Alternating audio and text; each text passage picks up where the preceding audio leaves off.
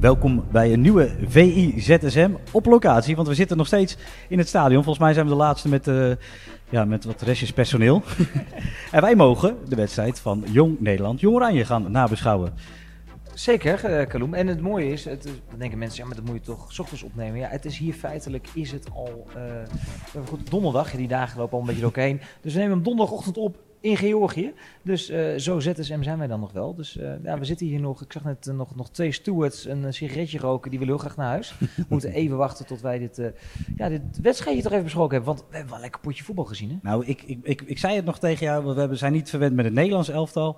Ehm, maar nou, laten we eerst beginnen bij die eerste helft. Want we hebben eigenlijk wel kunnen genieten toch van het Nederlands elftal. Snel voetbal, one touch.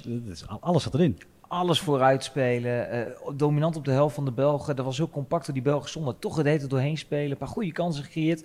Uh, ook lekker in die indicaats. Uh, jongens die elkaar makkelijk vonden. Het, het, was een lust voor het oog. Het was echt heel goed voetbal. De, de, de bondscoach van de Belgen, Jackie Matthijs, zei ik na afloop van dat hij fantastisch Nederlands elftal gezien had. Ja, hij met hun gespeeld, uh, zei hij toch? Ja. ja. zeker. En daar had hij ook helemaal gelijk in. Dus ik, ik was ook, ook wel positief verrast hoor. Ik bedoel, we hadden de vermoedelijke opstelling goed. Dus we hadden ook wel een beetje aanzien komen dat hij op deze manier wilde spelen. Ook een beetje met, met twee tienen onder Bobby.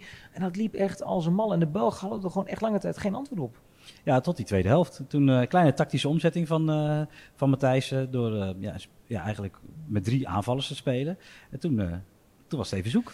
Het, was, het haperde heel snel. Voor rust nog die kans van Openda natuurlijk. De, toch even de, de schrik je om het lijf staat van... zal er dan niet nu de andere kant op, op gaan? Nou, 0-0 rust inderdaad. Ja, dan zie je die wissels. Dan heeft Nederland daar weinig antwoord op. En dat, dat is tweeledig. Aan de ene kant wat je zegt, de, de omschakeling bij de Belgen... die anders gaan staan. En dat, we hebben het eerder deze week met Van Looyer gehad over zelfregulering.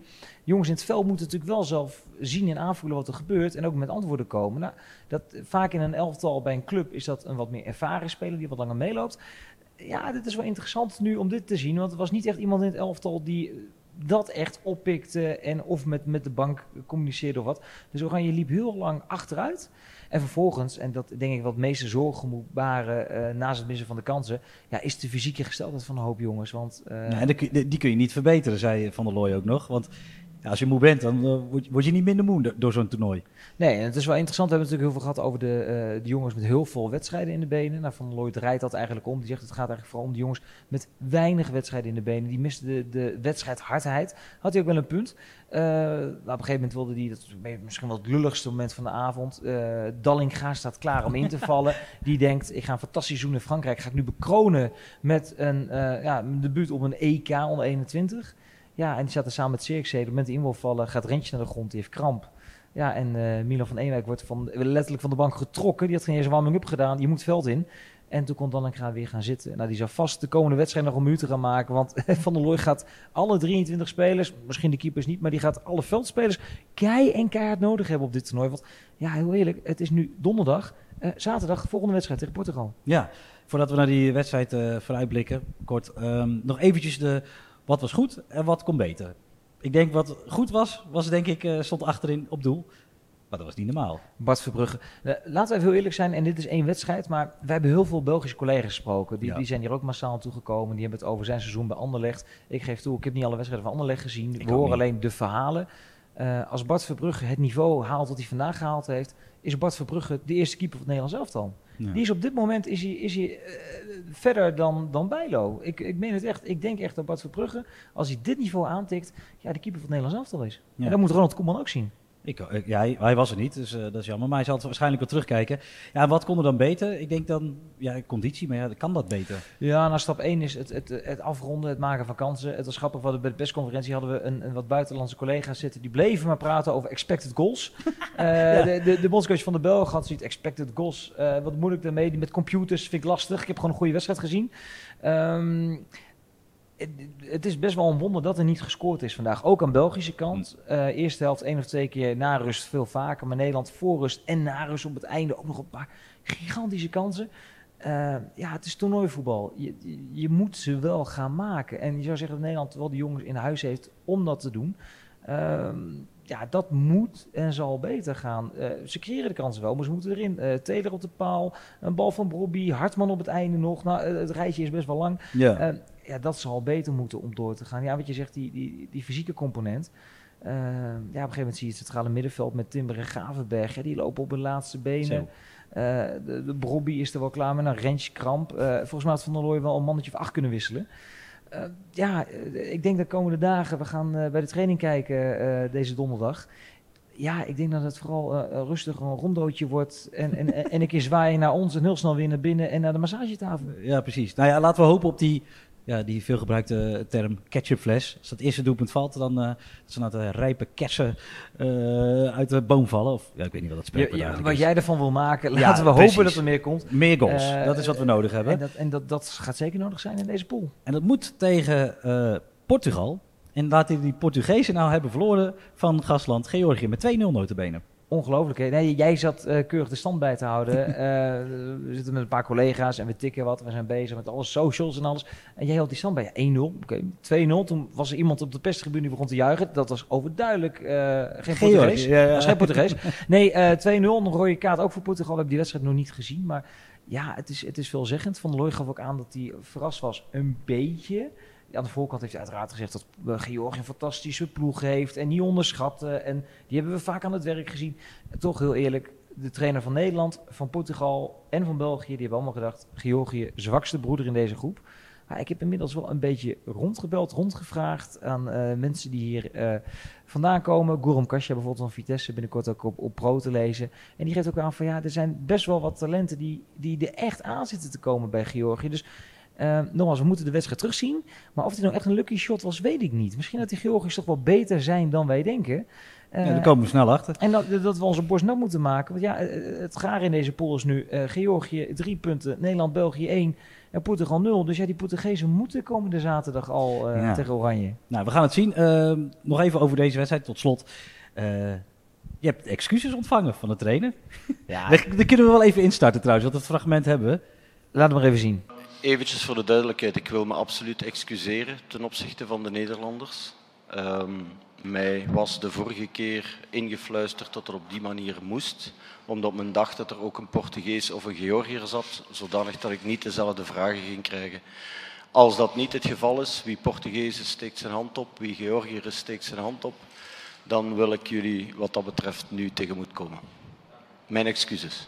Ja, Karoem, ik, heb, ik, heb, ik, ik ben nog een vrij jonge journalist. Ik heb een paar dingetjes meegemaakt in mijn leven, maar dit is wel een van mijn hoogtepunten. Ja, meen je dat nou? Ik heb, een, ik heb excuses gekregen van, van de, de bondscoach van Jong België. Had ja, er ook een beetje zin in en dan kregen we lange nee, antwoorden. Maar dit was heel raar. Uh, voorafgaand uh, was hij heel kribbig en hij had in één keer zijn eigen protocol bedacht. En de, de collega's hadden het ook over de, de Vlaamse José Mourinho.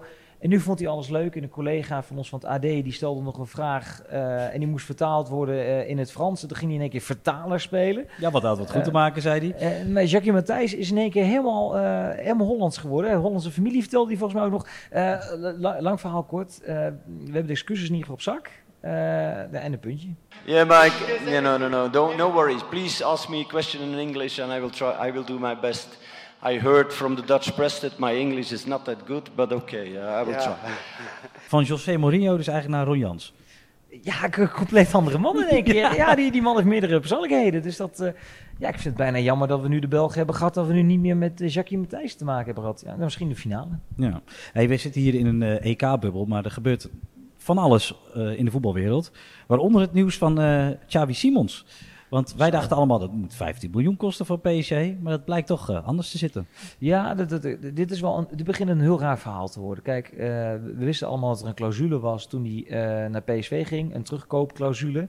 Ik weet dat collega Marco Timmer er best wel druk mee is geweest om te achterhalen hoe dat nou precies zat. Toen kwam eerst naar buiten dat dat dan voor deze zomer gold. Later werd duidelijk dat dat voor deze zomer en volgende zomer gold.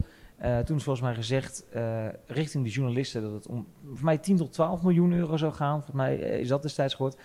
En nu komt in één keer het getal 6 miljoen euro naar buiten. Ja, ik moet zeggen, ik vind inmiddels wel een beetje een soap worden rondom die jongen. Um, kijk, wij, zijn, wij journalisten werken daaraan mee, want wij willen antwoorden hebben.